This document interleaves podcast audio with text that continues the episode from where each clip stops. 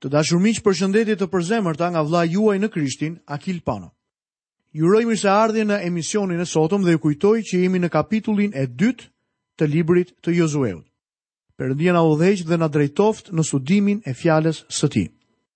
Tema e kapitullit të dytë është takimi i zbuluesve me Rahabin. Tani ne do të prezantohemi me një grua, në fakt me një karakter të errët. Ajo quhej Rahab dhe ishte prostitutë. Fakti i jashtëzakonshëm është se ajo është renditur në Dhiatën e Re bashkë me ata që quhen heronjtë e besimit. Hebrenjtë 11 vargu 31 na tregon. Me anë të besimit Rahabi, një prostitutë, nuk humbi bashkë me ata që nuk besuan, sepse kishte pritur paqësisht zbuluesit. Nuk më pëlqen ta quaj Hebrenjtë njëmbëdhjetë si një kujtim të heronjve të besimit, sepse në këtë mënyrë theksi vendoset mbi njerëzoren. Unë dua ta theksoj besimin. Burrat dhe gratë të renditur aty ilustrojnë atë çfarë bëri besimi në të gjitha epokat dhe rrethanat e jetës së tyre. Kjo do të thotë se besimi mund të bëjë të njëjtën gjë edhe për ne, duke qenë të rrethuar nga një re kaq e madhe dëshmitarësh. Një fakt tjetër befasues është se Rahabi ndodhet në gjenealogjinë e Krishtit. Testamenti i Ri hapet me atë gjenealogji dhe pasi ke lexuar pesë vargjet e parë, mbërrin tek emri i kësaj gruaje. Si hyri ajo në gjenealogjinë e Krishtit? Ajo hyri me anë të besimit. Pra siç mund ta shihni, kapitulli para nesh na prezanton me një grua të jashtëzakonshme. Lexojmë nga vargu i parë. Jozueu biri i Nunit dërgoi dy burra te Shitimi për të vëzhguar fshehurazi, duke u thënë, Shkoni kontrolloni vendin dhe Jerikon. Kështu ata shkuan dhe hynë në shtëpinë e një prostitute, të quajtur Rahab dhe aty banuan. Vini re që në vend dërgohen dy zbulues. Ndoshta mund ta mendoni që kjo është një gabim tjetër. Shumë kohë më parë ata dërguan vëzhgues për të parë nëse mund ta merrnin tokën. Tani ata po dërgohen jo për të parë nëse mund ta marrin, por për të gjetur rrugën më të mirë për të hyrë në vend. Qëllimi është krejtësisht i ndryshëm. Rahabi ishte një qytetare e Jerikos hap derën e saj për vëzhguesit. Lexojmë nga vargu i dytë deri në vargun e shtatë. Këtë gjë ia referuan mbretit të Jerikos duke i thënë: Ja, disa bij të Izraelit erdhën këtu sonte natën për të vëzhguar vendin. Atëherë mbreti i Jerikos dërgoi t'i thotë Rahabit: Nxirri jashtë njerëzit që kanë ardhur tek ti dhe kanë hyrë në shtëpinë tënde, sepse ata kanë ardhur për të vëzhguar tërë vendin. Por gruaja i mori dy burrat dhe i fsheu. Pastaj tha: Është e vërtetë, këta njerëz erdhën tek unë, por nuk dija nga ishin. Në çastin kur mbyllej porta e qytetit, kur ishte errësuar, ata burra dolën. Nuk e di se ku shkuan, ndiqini menjëherë sepse mund t'i arrini. Ajo përkundrazi i kishte hipur mbi çati dhe i kishte fshehur midis kërcinjve të lirit që i kishte shtrirë mbi shtrat. Atëherë ata i ndoqën në rrugën e Jordanit në drejtim të vahut të lumit dhe sapo dolën ndjekësit, porta u mbyll. Ajo gënjeu mbretin e saj për t'i mbrojtur këta njerëz. Duke vepruar në këtë mënyrë, rrezikoi jetën e saj. Pse duhej të rrezikonte kaq shumë një grua si Rahabi për të mbrojtur dy të panjohur? Ajo nuk kishte pse ta bënte këtë. Biznesi po i ecte mirë, gjithçka i shkonte vaj. Pse i gënjeu Rahabi njerëzit e saj për të mbrojtur armiqtë? Para se t'i përgjigjemi kësaj pyetje, më lejoni të ngre edhe një pyetje tjetër. A është e mundur të harrohet veprimi i Rahabit? Shkrimi është mjaft i qartë në faktin se ne si bij të Perëndisë duhet t'i bindemi autoritetit dhe atyre që sundojnë mbi ne. Rahabi nuk e bëri këtë gjë. Unë mendoj se nuk mund ta quajmë atë një bijë të Perëndisë në këto momente. Ajo mund të quhej e tillë vetëm disa kohë më vonë pas kësaj përvoje. Ky mund të ishte një shpjegim. Gjithsesi për ne ekziston një shpjegim tjetër kuptimplotë për ditët e sotme. Një besimtar duhet t'u bindet autoriteteve dhe atyre që sundojnë mbi të. Një i krishterë duhet të jetë qytetari model që respekton më shumë ligjet në vend. Por kur ligjet e shtetit bien në kontradiktë me vullnetin e zbuluar të Perëndisë, atëherë i krishteri nuk ka zgjidhje tjetër përveç se t'i bindet urdhrit të Zotit. E tillë ishte përvoja e Pjetrit dhe Gjonit kur autoritetet u përpoqën t'ua mbyllin gojën dhe dëshmonin për Krishtin. Gjykoni ju nëse është e drejtë para Perëndisë t'ju bindemi më shumë juve se sa Perëndisë, sepse ne nuk mund të mos flasim për ato që kemi parë dhe dëgjuar. Besimtari në ditët e sotme duhet t'i bindet fjalës së Zotit më tepër se fjalës së njeriut. Ky duhet të jetë qëndrimi ynë si bij të Perëndisë. Tani le të lëmë Rahabin t'i përgjigjet pyetjes sonë të parë. Pse gënjeu ajo për të mbrojtur armiqtë? Lexojmë vargun 8 dhe 9. Përpara se t'i zinte gjumi spiunët, Rahabi u ngjit pranë tyre në çati dhe u tha atyre burrave: Unë e di që Zoti ju ka dhënë vendin që tmerri juaj na ka zënë dhe që të gjithë banorët e vendit dridhen nga frika para jush. Kjo grua kishte depërtuar në mendimet e kananejve të asaj kohe. Kishin dalë fjalë se në vend do të vinte një numër shumë i madh njerëzish. Ata besonin që do ta merrnin tokën. I gjithë populli ishte i trazuar dhe kishte frikë. Ky ishte raporti që u jep Rahabi vëzhguesve. Mendoj se vetë pozita e saj e lejonte të merrte vesh të gjitha thashethemet dhe mund të shihte se i gjithë populli i saj ishte i tmerruar për shkak të përparimit të Izraelit. Lexojmë në vargun e 10. Sepse ne kemi dëgjuar si i thau ujërat e detit të kuq Zoti përpara jush kur dolët nga Egjipti, dhe atë që ju u bëtë dy mbretërve të Amorejve, matanë Jordanit, Sihonit dhe Ogut, që vendosët t'i shfarosni. Vini re, ne kemi dëgjuar si i thau ujërat e detit të kuq Zoti përpara jush. Sa kohë më parë ndodhi kjo? Kjo kishte ndodhur 40 vjet përpara se ata të arrinin në lumin Jordan. Gjatë këtyre 40 vjetëve, Zoti u kishte dhënë një mundësi kananejve për t'u kthyer tek ai. Si e dimë këtë? Sepse Zoti i tha Abrahamit që fara e tij do të ishte e huaj në një tokë të huaj për 400 vjet. Pastaj në brezin e katërt, ata do të dilin jashtë vendit sepse padrejtësia e amorejve s'ka arritur ende kulmin. Këtu flitet për 420 vjet më parë, me fjalë të tjera, Zoti do t'u jepte kananejve 420 vjet kohë për të vendosur nëse ata do të ktheheshin apo jo tek ai. Kritikët deklarojnë se Zoti i Testamentit të Vjetër ishte mizor dhe barbar. Nëse Zoti u dha kananejve këtë kohë prej 420 vitesh për t'u penduar, atëherë mendoj se kjo është kohë më se e mjaftueshme. Por Perëndia nuk u mjaftua me kaq.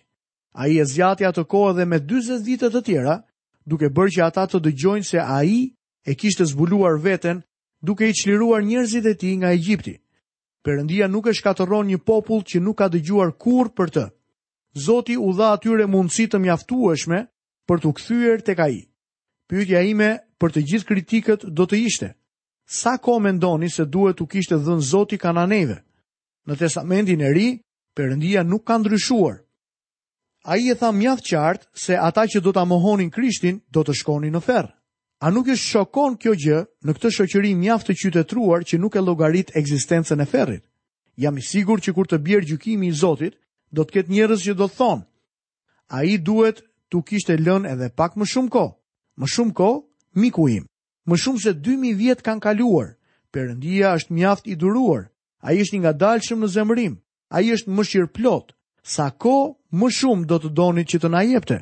Ai i ka dhënë botës mundësi të mjaftueshme për t'u kthyer te Krishti. Prostituta tha, ne kemi dëgjuar, vini re reagimin, vargu i njëmbëdhjetë.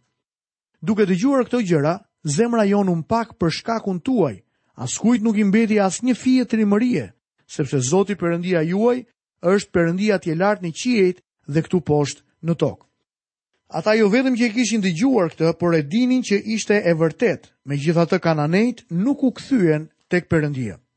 Në ditët e sotme ka shumë njerëz që dinë faktin historik se Jezu Krishti vdiq, u varros, u ngrit sërish dhe megjithatë nuk janë të shpëtuar. Çfarë është ajo që të shpëton ty? Besimi tek Ai si shpëtimtari dhe Zoti yt personal.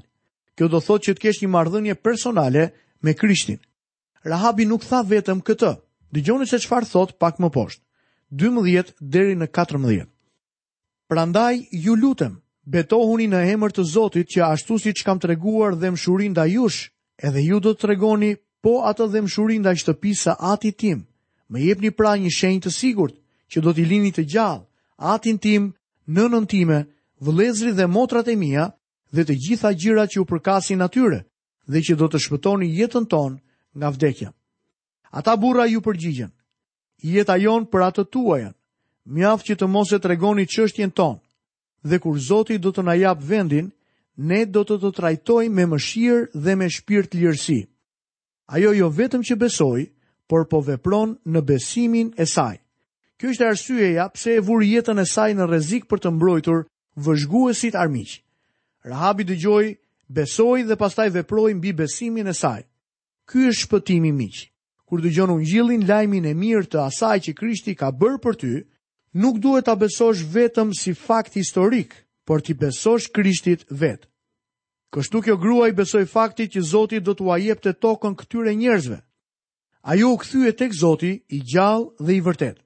Me anë të besimit Rahabi, një prostitutë, nuk humbi bashkë me ata që nuk besuan, sepse kishte pritur paqësisht zbuluesit.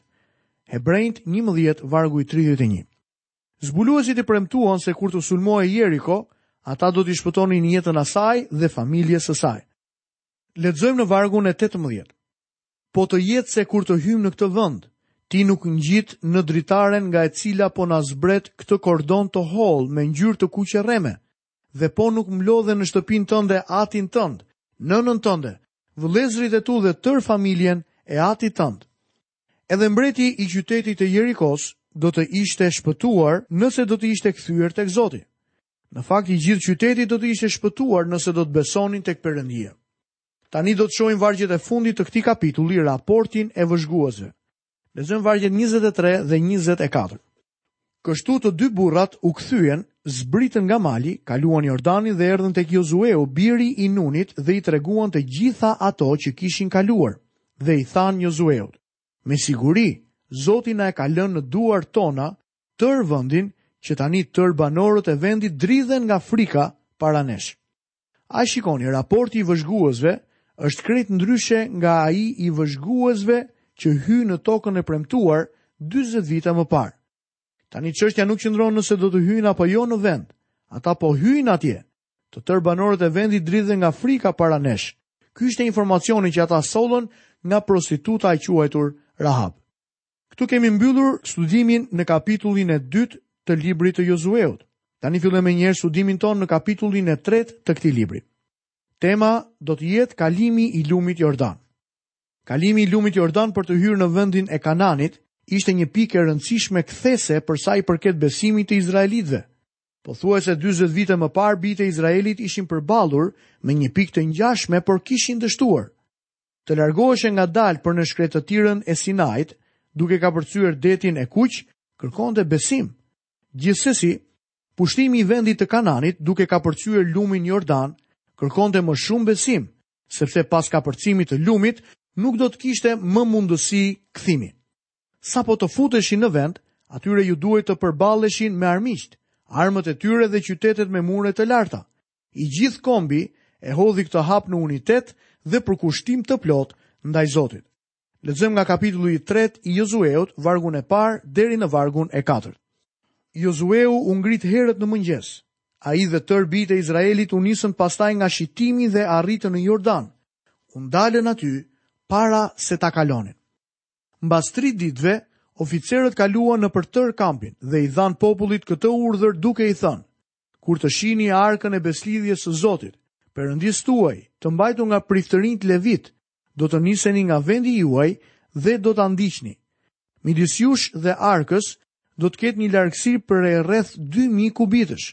Mos iu afroni asaj me qëllim që të njihni rrugën nëpër të cilën duhet të shkoni, sepse deri tani nuk keni kaluar kurrë nëpër këtë rrugë. Perëndia e urdhëroi Jozueun dhe bijtë e Izraelit të kapërcenin lumin Jordan. Kur arritën pra përpara lumit Jordan, gjithçka ishte krejt ndryshe nga situata kur kaluan Detin e Kuq. Moisiu iu afrua ujit dhe goditi me shkopin e tij. I gjithë uji u nda në dy pjesë. Atë natë, uji u zmbraps. Kur kapërcyen lumin e Jordanit, ndodhi një mrekulli më e madhe, sepse ishte një periudhë përmbytjeje dhe kalimi i tyre shkaktoi ndalimin e ujërave që do të derdheshin në Detin e Vdekur.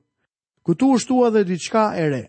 Arka duhet të shkonte 3000 këmbë përpara njerëzve dhe duhet të mbahej nga priftërinjtë që duhet të vinin në buzë të Jordanit dhe të ndaleshin aty. Lexojmë nga vargu i 15. Sapo ata që mbanin arkën arritën në Jordan dhe këmbët e priftërinjve që transportonin arkën u zhytën në ujërat e bregut të tij, Jordani është i mbushur plot deri në brigjet e tij gjatë tërë kohës së korrjes. Kur priftërinjtë mbërritën në anë të lumit Jordan, rrjedha e ujit u kufizua aty sikur u vendos një barrierë. Ujërat që zbrisin nga sipër u ndalën dhe u bë një tokë e thatë. Kjo është një nga mrekullitë më të mëdha të regjistruara në shkrim. Në këtë kohë ishte stina e pranverës. Ai vend kishte dy stinë reshjesh, vjeshtën dhe pranverën. Reshjet e pranverës ishin më të bollshme. Jordani në atë kohë ishte i mbushur plot. Është plotësisht e mundur që banorët e anës perëndimore të Jordanit të kenë menduar se izraelitëve do t'u duheshin disa ditë ose disa javë derisa ta kapërcenin Jordanin, Ata ndoshta po mendonin se nuk kishte rrezik të menjëhershëm. Disa prej tyre ndoshta mund të kenë pasur një frikë të fshehur, duke e ditur se 40 vjet më parë këta njerëz kishin kaluar detin e kuq.